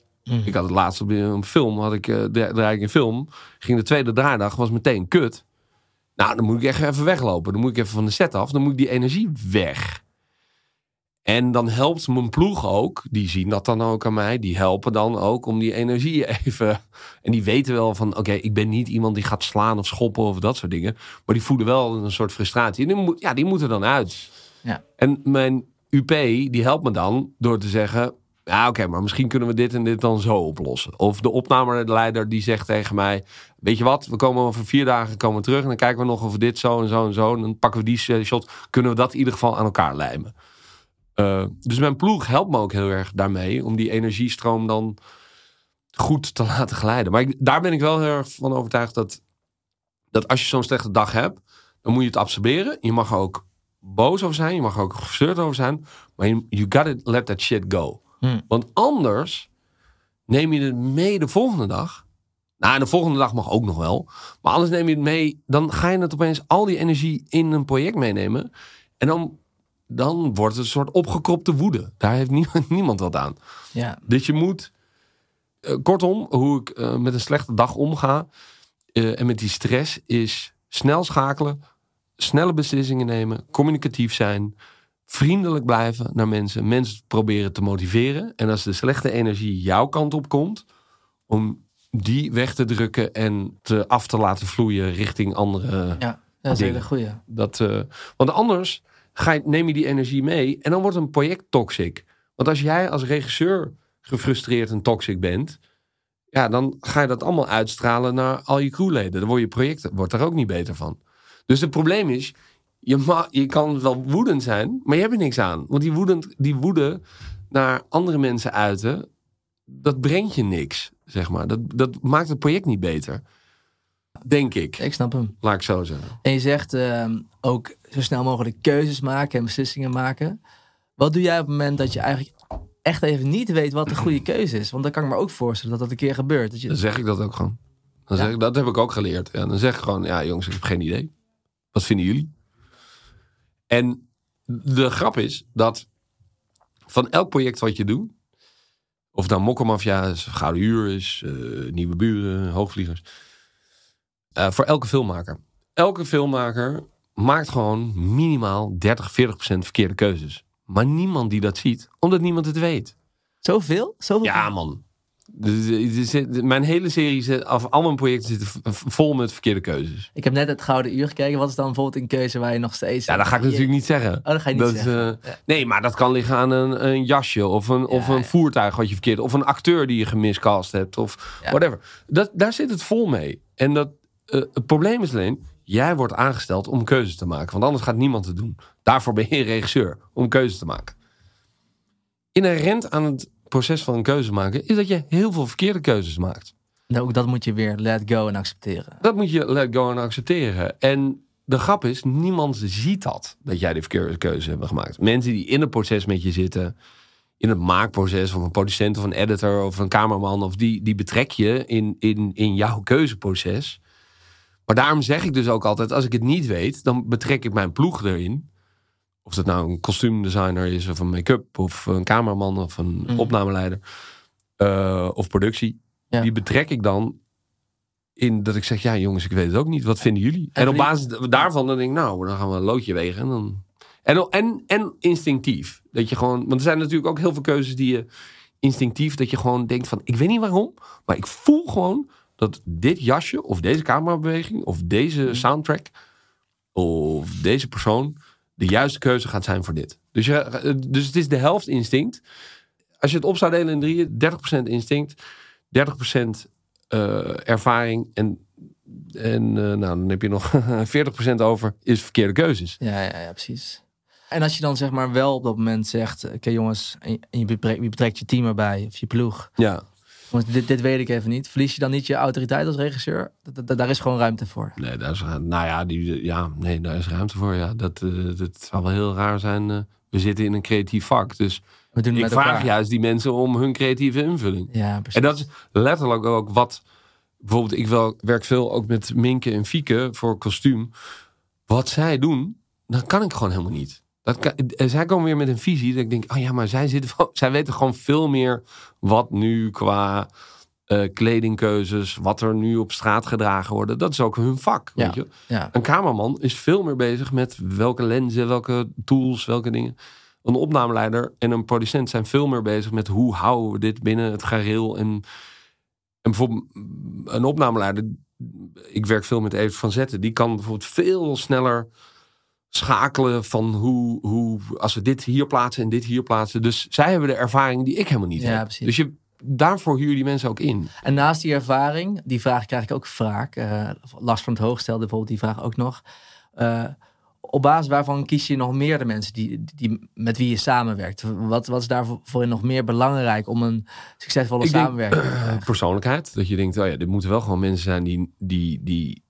Je moet wel gewoon kunnen viben. Je moet wel een soort... eh, je moet ook gewoon kunnen lachen, weet je. Omdat, dat vind ik echt wel belangrijk. Je moet, Leuke en- mensen. Ja, en at the end of the day, het is maar film maken, weet je wel. Het is niet dat we de wereld aan het redden zijn. Dus je moet ook wel een soort relativeringsvermogen hebben aan het einde. Je mag boos zijn, je mag gefrustreerd zijn. Ben ik ook, elke dag. Maar als ik de rap snack eet en ik ga terug naar huis, dan I gotta let that shit go. En dat wil ik het liefste ook van mijn ploeg. Ehm, en dus ik kies er daarop uit, om een soort relativeringsvermogen, denk ik. Uh, gewoon dat het mensen zijn waarmee je kan werken. Mensen die hopelijk ervaring hebben. En af en toe moet je ook risico's nemen. Ik vind ook dat je, je moet ook, of niet af en toe, je moet zeker risico's nemen door ook met andere mensen te werken. Dat is iets wat jullie bij Mokromafia ook heel erg hebben gedaan. Een platform geboden aan zowel jong talent voor de camera, maar ook wel ja. erachter. Ja. Dat wilden jullie bewust doen om mensen nieuwe kansen te geven. Nou, het ding is, ik heb heel erg, dat heb ik heel erg op commercials geleerd. Door met andere mensen te werken, krijg je gewoon andere invalshoeken en andere visies en andere dingen. En het, kan, en het probleem is alleen, het brengt altijd een risico met zich mee. Omdat je denkt, het risico kan ook verkeerd uitpakken. Als ik een art director krijg die totaal niet op lijn, op, op lijn ligt met mijn smaak, dan kan het ook een probleem worden. Het was gebeurd ook dat je dan toch een risico nam en uiteindelijk dacht... Ja, ah, zit, elk, elk, project, elk, project zitten er altijd wel twee of drie mensen tussen dat je denkt... Mm, ik weet niet of dat nou het beste met mijn persoonlijkheid klikt. Ja. Het zegt helemaal niks over hun, maar voor mijn en mijn smaak, zeg maar. Maar hoe meer je ook test, hoe, hoe beter je ook weet met wat voor mensen je echt goed kan werken. Ja, dus je groeit ook steeds meer naar mensen toe. Maar, maar nee, ik, ik denk je moet ook naast relativeringsvermogen, naast dat je hopelijk goed bent in je, in je werk. Maar je moet ook risico's nemen om met andere mensen te werken, omdat dat is de enige manier waarop je leert. Ik weet nog dat ik een commercial deed en ik werkte met een nieuwe art director en ik dacht, wow, oké, deze guy zit in een heel andere hoek. Uh, maar wat hij doet is wel weer extreem goed. Mm, ja. En daar leer ik weer van. Want anders leer je ook niet. Het is belangrijk om te leren. Het is belangrijk om om, vind ik, om die risico's te nemen en te blijven leren door nieuwe mensen die je, die je ontmoet.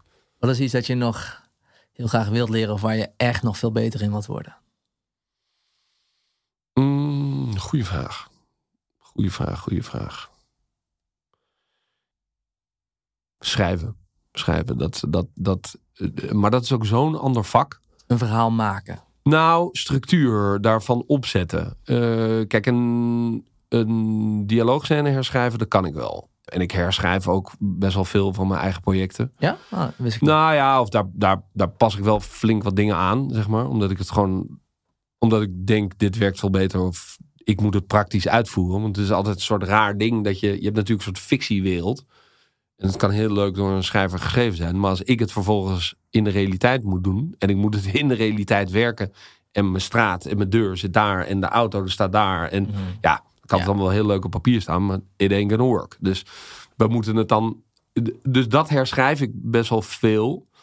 Maar ik denk, wat echt een ander vak is, is gewoon echt schrijven en structuur opzetten en zo. Het is gewoon echt een ander vak. Het is een totaal ander métier dan regisseren. Ik moest daar heel erg aan wennen toen ik eigenlijk... Ik kwam dus als allround filmmaker de wereld in. En ging ook een beetje zoeken naar waar ik goed in ben en wat ik wilde. Toen ik voor de eerst, eerst mensen en regisseurs ging interviewen... dacht ik ook dat elke regisseur zijn of haar eigen verhalen helemaal zelf geschreven. Ik, ik wist niet van een scenario schrijver af, zeg maar. Dat dat twee losse dingen kunnen zijn. Totaal ander vak, totaal andere opleiding, opleiding. Het is gewoon ja, hetzelfde alsof je, weet ik veel, vliegtuigbouwer bent en, uh, en je bent piloot of zo, weet je. Het zijn totaal twee verschillende, twee verschillende vakken. En met allebei wel verhalenverteller. Ja, nee, zeker. Dus je groeit ook wel, je groeit naar elkaar toe. En, en je moet ook wel van elkaars wereld weten. Ja. Uh, maar ik merk wel dat ik soms scenario's krijg dat ik denk, nou, als ik een beetje hard hierop afstudeer, dan kan ik het misschien nog wel beter. Dus dat, mm. dat is wel een richting waar, waar ik op wil. Alleen, uh, het kost je ook heel veel tijd. En het kost je heel veel energie en heel veel concentratie. Soms heb ik die concentratie ook helemaal niet. Uh, en ik vind het heel leuk om op de set te staan en oud en about te zijn. Ik vind het leukste van het hele uh, filmmaken, vind ik altijd uh, locatiescouten. Want dan ga je met je groepje, ga je in de 9P. Uh, in, in zo'n busje. En dan rij je door heel Nederland of het buitenland. En dan kom je op allemaal plekken. En dan een roadtrip eigenlijk. Ja, het is gewoon totaal een roadtrip. Dus je bent echt alsof je op schoolreis gaat, zeg maar. En dat, dat vind ik altijd het allerleukst. Omdat het... Uh, want als je dan later zeg maar, het proces van filmmaken moet gaan doen. Dan denk je, oh ja, daar moeten parkeerplekken leeg. Daar, uh, daar moet een lunchcar. Daar moet... Dan zit je gewoon in het hele proces. Maar gewoon met z'n allen zo'n busje induiken en door Nederland reizen. En een tussenstop maken bij een of ander raar restaurant. En dan, uh, grappen maken. Dat, en daar gaat dan ook je creatief proces. Dat je denkt, oh ja, dit kunnen we zo doen. Ja. Dan kan nog alles. Ja, ja, ja, ja, die wereld moet nog gemaakt worden. Ja. Ik heb trouwens over dat eh, het schrijven en het maken van misschien meer nog eigen verhalen ook nog een vraag binnengekregen. Dus mag je weer even op. Deze vraag is van Nout van der Lauw. Hey Bobby, Nout van der Lauw hier. Ehm, ik ben benieuwd of je ook nog van plan bent om autonoom werk te gaan maken. Ehm, je hebt natuurlijk grote regisseurs zoals Guy Ritchie die eerst met signature films kwamen ehm, en daarmee naam maakten. Jij hebt vooral naam gemaakt door gro- grote series te regisseren. En ik ben heel erg benieuwd of je ook nog of er ook nog diep in je hart iets brandt wat je echt wil gaan maken eh, naar eigen idee. Groetjes. Grappig. Eh, ehm, ja, dat heb ik zeker wel. Maar inderdaad, wat ik zeg, daar moet je dan dus de rust voor hebben om een eigen scenario te schrijven. En dat je gewoon zegt, oké, ik ga een jaar niks doen. Eh, en ik ga gewoon zo'n scenario eh, schrijven. Die ambitie heb ik zeker wel. Maar ik merk bij mezelf dat dat wel een soort proces is waar ik in moet groeien. Dus Is jouw stip Nou. op de horizon misschien? ja, dat is een beetje mijn stip op de horizon waar ik naartoe wil groeien op een rustig manier, op een rustig tempo. En ik schrijf soms wel eens wat dingetjes, links en rechts. Maar. ehm, en ik heb gewoon heel veel verhalen in de kern. Maar dat zijn grappig genoeg eigenlijk helemaal geen actiespektakel dingen. Maar gewoon over een koppeltje wat verliefd is. Of allemaal veel kleinere dingen, zeg maar. Die, eh, die ik wel in de toekomst wil gaan maken. En die ga ik hier natuurlijk niet spoilen. Nee. Uh, maar dat zijn grappig genoeg eigenlijk dingen waarvan ik denk dat zijn helemaal niet dingen waarvan mensen denken dat dat bij mij past of zo. Ik zou juist, Veel kleiner misschien. ik zou juist heel graag bijvoorbeeld een, een, een meer een roadmovie over twee jonge mensen die verliefd zijn. Weet je wel? En dan gewoon eh, richting Frankrijk en, eh, en de opbloeiende liefde bijvoorbeeld. eh, zoiets. Wat Ja. totaal niet eh, spektakel en actie is. Maar Ja. eh, ehm, ik zou heel graag eh, een musical eh, willen doen. Eh, ook je niet, ooit gedaan, of? Heb ik ooit gedaan, een stage musical. Maar ik zou heel graag een, een, een filmmusical willen doen. Ah, Dus ja, ja. nou, ik ben zo wel met allemaal projecten zo een beetje aan het spelen. Maar ehm, dat is, voor mij is dat een langer, een langer proces, denk ik. Ik ben, eh, ik ben altijd te druk ook. Ja. Of te druk bezig in mijn hoofd ook. Om die rust te vinden. Ja. En ik moet wel zeggen, bij, in de coronacrisis... Toen lag alles stil. Toen ben ik voor het eerst echt zo dingen zelf gaan schrijven en zo. Ja, want toen ik deze vraag hoorde van nou, dacht ik ook... Voelt het ook zo eigenlijk voor jou? Voelt het alsof je niet eh, autonoom werk maakt? Of voelen deze projecten die je doet, Hoogvlieger, Schouderuur, Mokkermaf... Voelt het ook als een, een eigen project? Zeg maar, hoe, hoe voelt het voor jou? Daar ben ik wel Ja, naar. om, eh, het voelt zeker als een eigen project. Ik merk wel dat de frustratie over eh, scripts die soms niet goed zijn... of niet op tijd af, of eh, niet binnen budget... Of, of dramaturgisch gewoon niet kloppen... dat ik wel merk dat je gewoon vanuit ervaring steeds meer ervaring hebt... en dat je steeds vaker gaat denken... ja, maar dit, dit kan ik ook, zeg maar. Maar eigenlijk al mijn projecten die ik doe... voelen als mijn projecten. Omdat... Anders zeg ik er ook geen, geen ja tegen, zeg maar. Het is, ik, ik, nou ja, waar we eerder over Ja. hadden, van ik, moet, ik, ben, ik heb een soort algemene nieuwsgierigheid in alles, merk ik. Ehm, dat ik me, als ik getriggerd raak door een project, dan ga, smijt ik me er helemaal zelf in. En dan ga ik er ook helemaal voor. En dan, dan wordt iets meer van mij. Of zo, Ja, ja, zeg maar. Wordt ook dat, jouw eh, wereld, ja. En wanneer zeg je dan nee? Want je krijgt waarschijnlijk nu heel veel aan, aanbiedingen. Ja, ook Eh, best wel vaak, eerlijk en wat gezegd. voor dingen, waar haakt dat op af? Nou, vaak dingen waarvan ik denk, ja, maar dit is al gedaan. Of dit is middle of the road. Of hier heb ik niks te bewijzen. Of dit, dit, wat heb ik hier nog aan... Nou, niet zozeer wat heb ik hier nog aan toe te voegen. Want ik heb denk ik altijd wel wat toe te voegen. Maar als ik geen challenge zie voor mezelf. Als ik niet denk van, dit is al honderd keer gedaan. Dit is niet, of ja, dit, ik weet wat hieruit gaat komen. Dat is ook een soort ding wat je moet hebben. Is dat je, en dat komt met ervaring, maar je ziet op een gegeven moment financieringsstructuren. Je ziet wat een producent wil. Je ziet wat een distributeur wil. Je ziet wat het, wat een project kan worden. En dat je eigenlijk dat je denkt: oké, maar als ik hier mijn tijd aan commit, ben ik een jaar van mijn leven verder. En dan komt er dit uit. Is dat nou hetgene waar ik dan trots op ben? Eh, dat is heel leuk voor, om even succes te hebben. Het is heel leuk om even dat geld te verdienen. Maar gaat dit nou een soort ding zijn waarvan ik dan denk... ja, dit was anders, zeg maar. Ja, ja dat is een goede. Dat- van jezelf Ik heb best wel veel, veel de tijd. Ja, ja, ja, zeker. Ik kijk altijd een jaar. Ik kijk eigenlijk van als ik een, als ik een, aan, eh, als ik een gevraagd word voor een project, wat gaat de poster zijn? En zou ik daar dan zelf naartoe gaan? Zeg maar. en, en, en, Ja. ja, en als dat het niet is, als het niet een poster is voor mezelf waarvan ik denk, eh, dat wil ik zien, ja, dan ga ik het ook niet doen. Want dan denk ik oprecht, dan kun je veel beter andere mensen ervoor vragen die dit heel erg leuk vinden. Ik ga toch een soort irritatie bij mij ontstaan, omdat ik denk, ik wil het anders doen. Of ik wil, ik wil die windrichting ontdekken. Of ik wil. De, je, eh, ik denk niet dat je mij moet vragen voor een soort kant-en-klare eh, afgebakte taart. waarvan je heel duidelijk weet: dit is deze snoeptaart. Dan wil ik wel meteen een snoeptaart met allerlei ontploffingen en rare tierenlantijnen erin. Zeg maar. Ja, dus ik probeer mezelf altijd vooruit in de tijd te plaatsen. En ik word inderdaad voor best wel veel projecten tegenwoordig gevraagd. En dat is ook eng. Het is ook eng dat je dan zegt: nee, ik ga het niet doen. Ook als je nog niks anders hebt, misschien in de plaats. Ja, nou, maar dat leer je dus heel erg. Dat je gewoon altijd verschillende projecten. Dus je wordt steeds Ja, selectiever, ja, zeg maar. ja. Maar het is jezelf vooruit plaatsen en de poster zien van een project. Wat je, waarvoor je gevraagd wordt. En denken: vind ik dat zelf tof? Dat dat eigenlijk de grote skill is die je moet, moet hebben. Goeie, ja.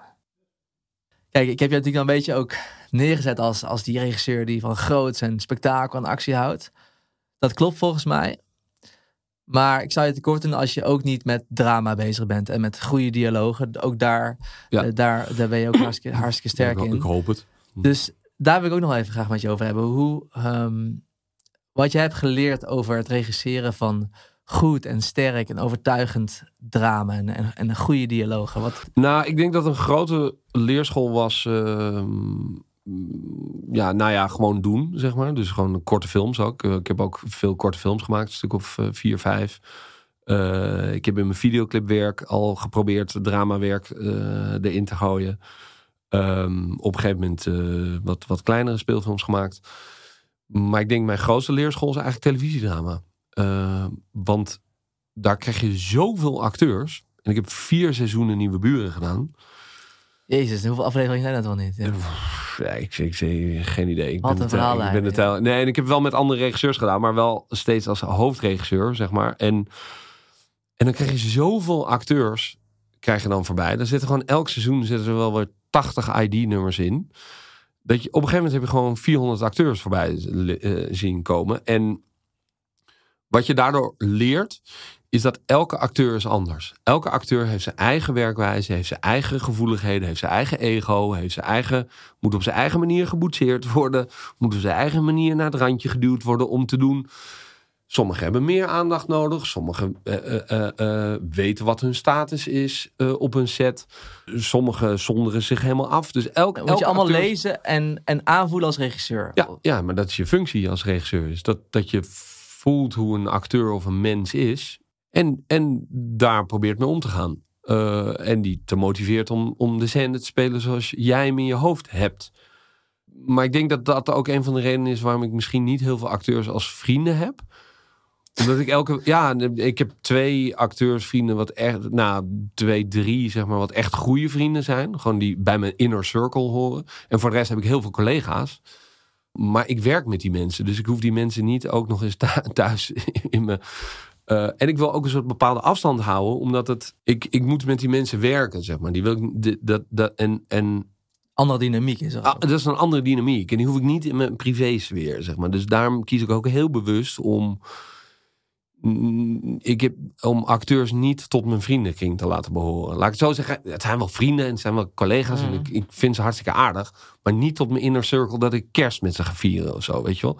Maar hoe, ja, hoe je goed drama... Ik denk dat je als regisseur dus heel erg moet kijken naar wie is een acteur. Eh geef, ze het, het vertrouwen dat je naar ze moet luisteren. Maar je moet af en toe ook de schoolleraar kunnen zijn en zeggen: ja, nee, maar ik wil het zo of want dus zus en zus zo. En ik denk dat televisiedrama is daar een hele grote leerschool in. En ik denk dat dat heel veel filmmakers in Nederland onderschatten.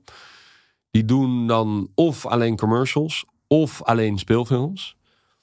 Of juist alleen maar weer televisiedrama. Maar televisiedrama is zo'n grote leerschool. Omdat je daar binnen no tempo zoveel acteurs voorbij komt. Je moet, je moet zoveel acteurs casten. Ja, dat je gewoon op een gegeven moment heb je alle acteurs. Nou, dit overdrijf ik. Maar heb je wel een heel groot scala aan acteurs in Nederland gezien. En weet je ook wat iedereen's gevoeligheid is. En zie je ook dat het ook maar gewoon een vak is. Zeg maar. Het is ook, het is ook, it's just a job, man. Het is gewoon, you come in, you do your fucking thing and get the fuck out. Maar geloof je wel dat als je met de juiste aanwijzingen komt, of met de juiste regieaanwijzingen, dat je dan meer uit het spel kunt halen? Ja, zeker, zeker, zeker. Ja, ja, nee, zeker. En, en, maar daar, en daar kan je ook discussies over krijgen.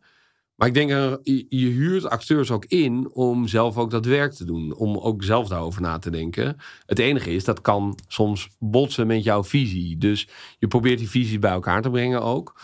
En soms hoor je ook helemaal hondsdol van de acteurs die alleen maar elke scène vragen gaan stellen waarom iets. Uh, dat je denkt, god, speel het gewoon, staat er. Uh, maar ik snap wel waarom ze het doen. Zeg omdat je dat ook dan? Uh, nee, nou, is heel soms. Maar ik snap wel waarom ze het doen. Omdat zij vanuit hun personage en hun karakter. Um, zij zijn ook anders getraind. Want op een toneelschool of vanuit. word je ook letterlijk anders getraind om alleen vanuit je personage te denken. Ja, alleen het probleem, Precies. Alleen het probleem is dat ik word ingehuurd om het geheel te overzien. Ja. Dus een acteur verdiept zich in zijn personage. Maakt zijn personage het meest belangrijk. Maar staat soms in het grotere geheel ten dienst van een ander personage. Mm. Maar dat moet je dan tegen een acteur gaan zeggen. Luister, nu is het gewoon shut the fuck up. Eerlijk gezegd. En dat zeg ik dan misschien niet op zo'n manier. Dan breng ik het met iets meer tact. Maar soms sta je ook ten dienst van, het, van iemand anders in een scène. Om die op te of lichten. in het grotere geheel van een plotmatig, weet ik veel wat, of whatever. Ja. Uh, dus je moet ook soms tegen acteurs op een subtiele manier zeggen: maak jezelf niet belangrijker dan dat je bent op dit moment. Uh, want je staat ten dienste van dit en dit en dit. Want anders ga ik een soort afslag nemen met een personage. En dan ga ik een soort hele boekenkast opentrekken aan backstory. Die we nooit gaan ontdekken in het hele verhaal. Sterker nog, daar gaat het publiek zich allemaal vragen bij stellen. En dat wil ik helemaal niet. De dus die, die boekenkast moet dicht blijven. Ja. Uh, don't mention the war, zeg maar. Um, de, de war. Ja, de, ja, dat is de term die wij op zet uh, heel vaak gebruiken. Don't mention the war. Want uh, als we dat wel gaan benoemen, ah. dan gaat het publiek het zich expres afspraken. Huh, oorlog, wat? ja. Nee, maar ja, precies. Uh, precies. dat is dan een soort van de term die we gebruiken. Maar als jij iets gaat benoemen van waarom is dit geel in een scène? Of waarom is deze microfoon is hij zo hoog? Hmm als je dat gaat benoemen, dan ga je erover na. Dan gaat het publiek erover nadenken. Afleidend. Afleidend. Terwijl als je er gewoon overheen stapt, dan denkt het publiek er misschien niet over na. Dus ja, dus zo. Er zijn honderdduizend verschillende manieren om het drama. En ik heb wel dat ik, ik lees iets van een pagina en ik denk te weten wat de melodie en de klank en het ritme is wat een schrijver bedoelt. In het grotere geheel van wat een serie en het genre en het hetgene is wat een distributeur of een omroep of een streamer wil hebben en waar ze mij voor inhuren. Dan lees ik een script en dan hoor ik de, de, de golfbewegingen van hoe iets op papier staat en wat een scenarist daarmee heeft bedoeld. Dan komt een acteur die maakt daar iets heel anders van. Ja. Omdat zijn gevoeligheid ergens anders ligt en zijn instincten misschien ergens anders ligt. En dan is het mijn taak om te zeggen: ho, ho, wacht even. Ja, en dan komt het soms voor dat ik gewoon klemtonen ga voorzeggen. zeg ik, nee, hier zit deze vraag zet zo, hier zit de boog naar beneden en dit. En dan komt een acteur zelf weer met, ja, maar moet ik dan weer niet dit zeggen? En denk ik, oh, daar heb ik nog nooit over nagedacht. Ja, misschien is dan bij, laten we deze twee zinnen dan weghalen en dan, en dan loopt dat beter, zeg maar. Dus ik, ik flikker ook alle, ik bedoel, en dat klinkt ook weer heel onerbiedig, maar en zo bedoel ik het ook niet, maar ik maak zelf de keuzes op een set om uh, ja, gewoon uh, zinnen eruit te sodomieten. Als ik, als ik voel van ja, dit werkt niet of dit uh, sodemieter ik er zo uit. En een acteur zelf ook. En ik vind ook dat je de acteur de vrijheid moet geven om dat op te zoeken. Want als iets niet lekker loopt voor een acteur. Kijk, je hebt andere regisseurs, zoals bijvoorbeeld Frank Ketelaar. Die, die gaat echt op de punt. Die is minutieus op de punt. Zoals je vader wou. Ja, precies. Mijn vader is ook op de klemtoon. Weet je wel? Ik denk gewoon van Oh ja, maar dat staat er sowieso talig. Ah, en dan komt een acteur met een suggestie en zegt: Oh ja, maar dan zeg ik dat liever zo. En denk ik: Oh ja, ja, maar dan kunnen deze twee zinnen kunnen ook het raam uit. Dus ik ben daar heel makkelijk in. En ik denk dat dat misschien ook de reden is waarom ik vrij goed functioneer ook in televisieseries. En, en acteurs hoop ik het ook fijn vinden om met, met mij te werken. Dat ik vrij goed luister naar wat acteurs ook nodig hebben om door een scène heen te komen. Dus je moet een beetje ja, van alle markten thuis zijn, Ja, denk ik. Als, ja. Je moet een soort mensenmens zijn om, eh, om met die acteurs... Want het zijn ook rare wezens. Acteurs zijn hele rare wezens. Zijn, eh, I love them. En ze, want ze doen iets wat ik nooit zou kunnen en nooit zou durven ook. Nee. Eh, en ik zou er zo onzeker over worden. Maar per definitie daardoor zijn het ook soms onzekere mensen. En moet je ze dus ook het vertrouwen geven dat ze het goed doen. Ja. Ja. In het, eh, en dat doen ze ook niet altijd. Want ze, soms fokken ze het ook op. En dan moet je dat ook wel weer durven zeggen.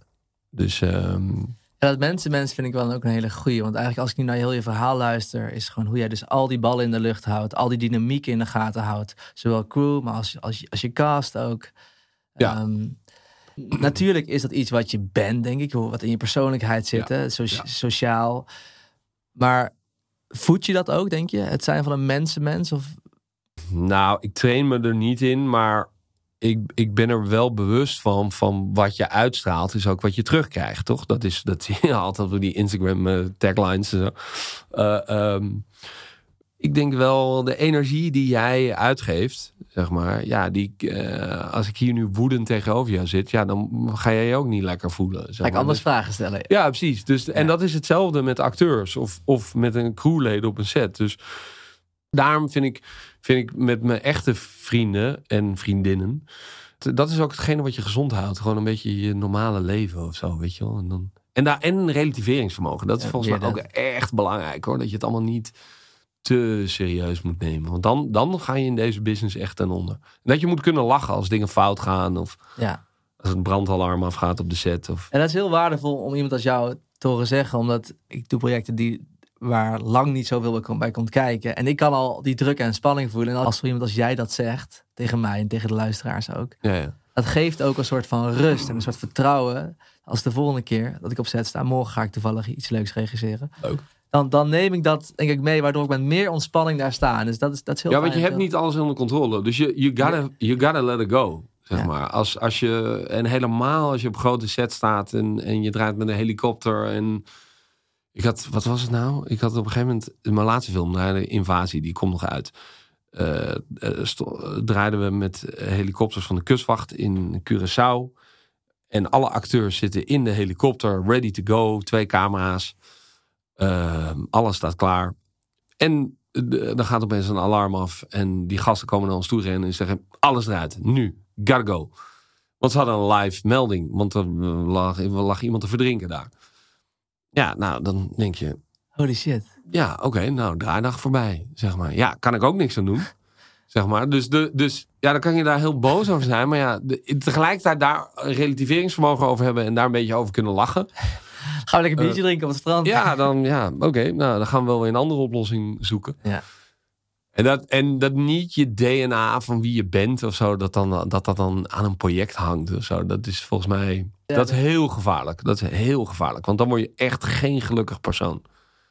daar sla je denk ik de spijker op zijn kop voor mij. Dat ik mezelf nog te vaak identificeer met de dingen die ik doe. Weet je? Terwijl, terwijl je bent meer dan dat. Je bent, Ja, je bent gewoon eigenlijk mens, weet je? Ja, terwijl- en tegelijkertijd is de grap van...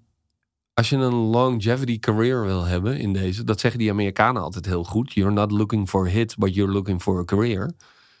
It comes and goes, zeg maar. Weet je, succes comes and goes. Voor iedereen, voor jou ook. Ik bedoel, kijk al wat je hier eh, bereikt hebt.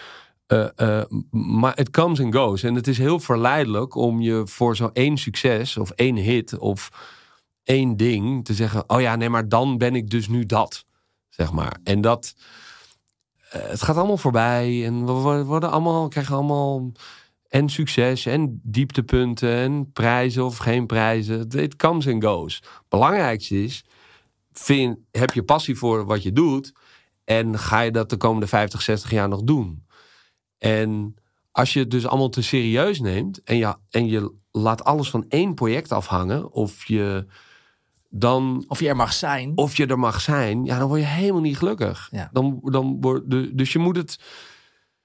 Een beetje een soort zen, als een soort water, laat, laat je het over. Want, want ik zie de mensen die dus wel op één ding of één succes of ja, die zijn afgeschreven en die, die werken niet meer in deze business. Zeg maar. dat, dat, dat is echt, of, of wordt niet gelukkig. Ja. Dat, is, dat, is echt, eh, dat is echt belangrijk hoor. Maar ik denk dat het gewoon, dat geldt niet eens alleen voor de filmwereld, maar ik denk voor alles. Voor, voor elk vak, weet je. Ja. Dat je gewoon. eh, en als het niet leuk is, eh, doe het niet. Maar dat, eh, Ja, je hoeft het niet te doen. nee.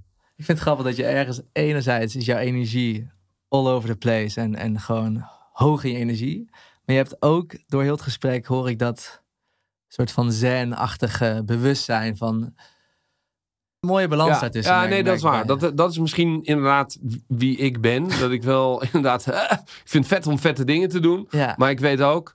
En ik heb ook hele vette dingen gedaan in mijn carrière. En echt crazy shit. Gewoon met, met dat je denkt: wat? Ik zit nu in een F-16. En, eh, maar het gaat allemaal weer voorbij.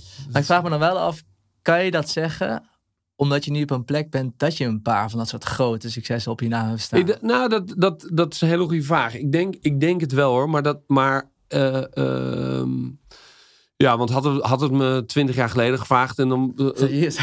had ik er daar niet zo in gestaan. Dat, dat, maar je leert het wel gaandeweg. Je Ja. leert gaandeweg dat je denkt. Het rare is namelijk, je zet de hele tijd voor jezelf targets, toch? Je zet Ja. de hele tijd voor jezelf een soort ambitiegoal. Nee, jij hebt dat ook, iedereen heeft dat. Ja, want zoals ik naar jou kijk, wil kijk, jij naar de jongens in Hollywood waarschijnlijk. Precies. Dus je zet de hele tijd voor jezelf een soort ambitiegoal van daar wil ik naartoe of dat wil ik doen. Of, eh.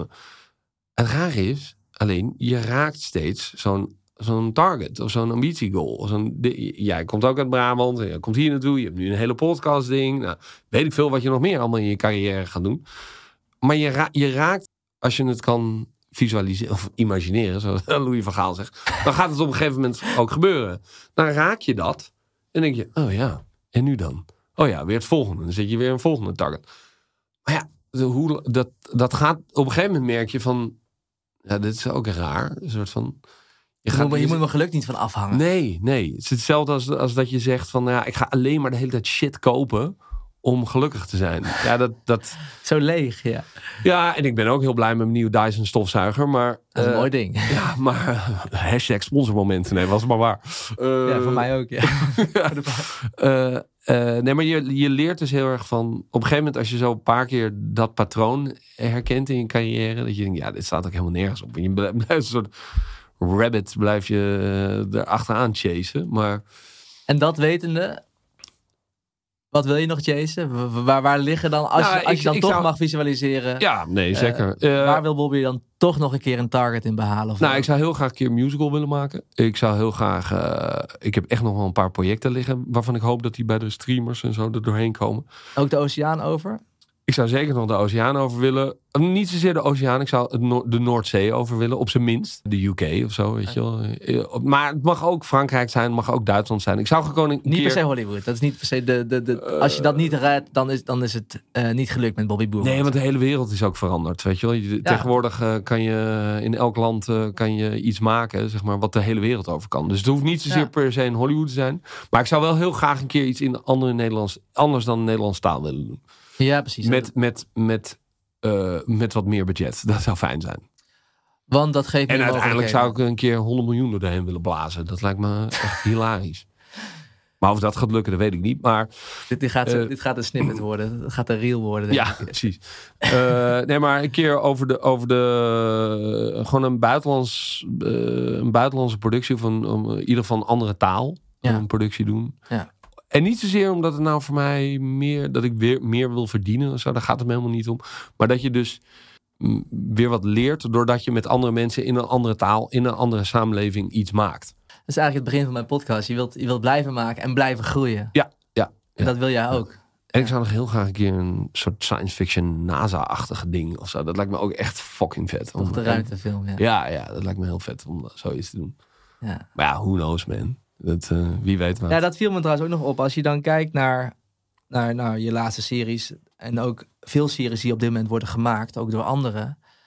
Ehm, de budgetten in Nederland zijn nog steeds een stuk lager dan bijvoorbeeld in Hollywood of in andere landen. Maar wat ik wel opvallend vind, is dat het niveau en de standaard de allure van de Nederlandse producties echt heel erg omhoog gaat. En steeds meer kan meten Ja. met die internationale producties. Maar dan toch met veel minder geld. Dan denk ik, Hoe kan dat? hoe kan dat?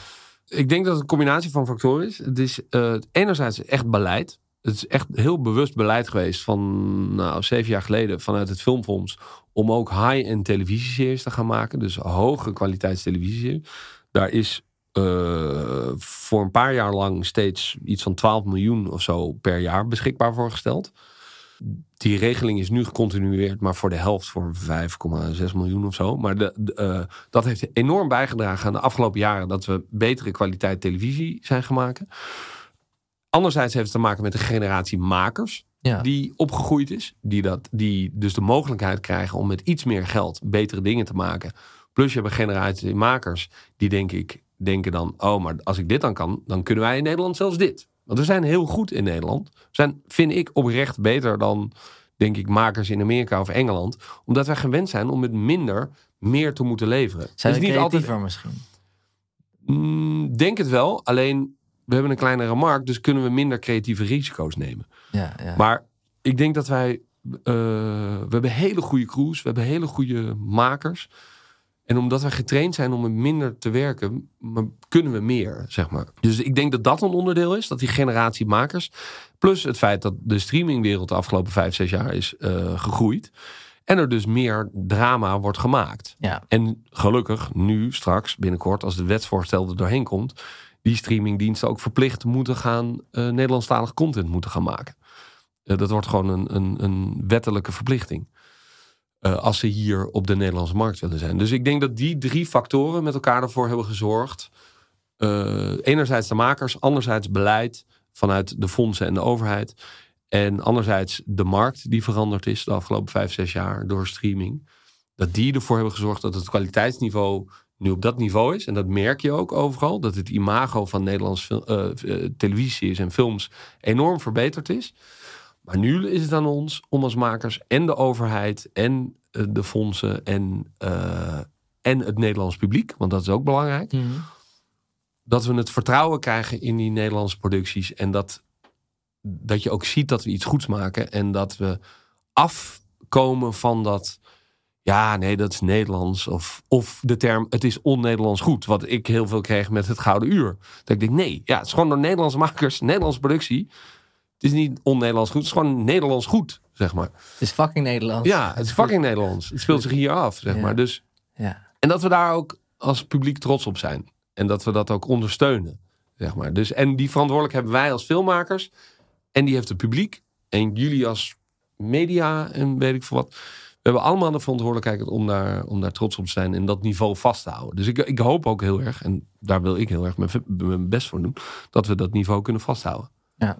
Succes ermee, man. Dankjewel. Ik, denk- vond het hartstikke Ik gezellig. denk dat, je nog heel veel, eh, dat we nog heel veel gaan zien van je. Ik hoop het. Ik hoop het. En eh, thanks voor je, je mooie woorden en je wijsheid en je ervaring eh, delen vandaag. Dankjewel. heel Ik waardevol. vond het leuk om te zijn. Thanks. Dankjewel. Tegen luisteraars en kijkers, ook heel erg bedankt voor het kijken en luisteren. Super tof dat je er weer bij was. Ik hoop dat je net als ik hebt genoten van Bobby's zijn verhaal. En al zijn, ja, zijn, zijn wervelwind en energie en de dingen die hij allemaal heeft geleerd op het pad dat hij heeft afgelegd. Heeft veel gedaan en hij toch voelt het alsof hij pas net begonnen is of zo. Dat, dat is eh, heel grappig. Dus ehm, ja, ga zijn werk zeker blijven checken. Ook als je nog niet checkt, ga al zijn series eh bingen. Fucking vet, zeker de moeite waard. En ik hoop dat je mee blijft reizen in mijn creatieve zoektocht. Dus eh, tot de volgende keer.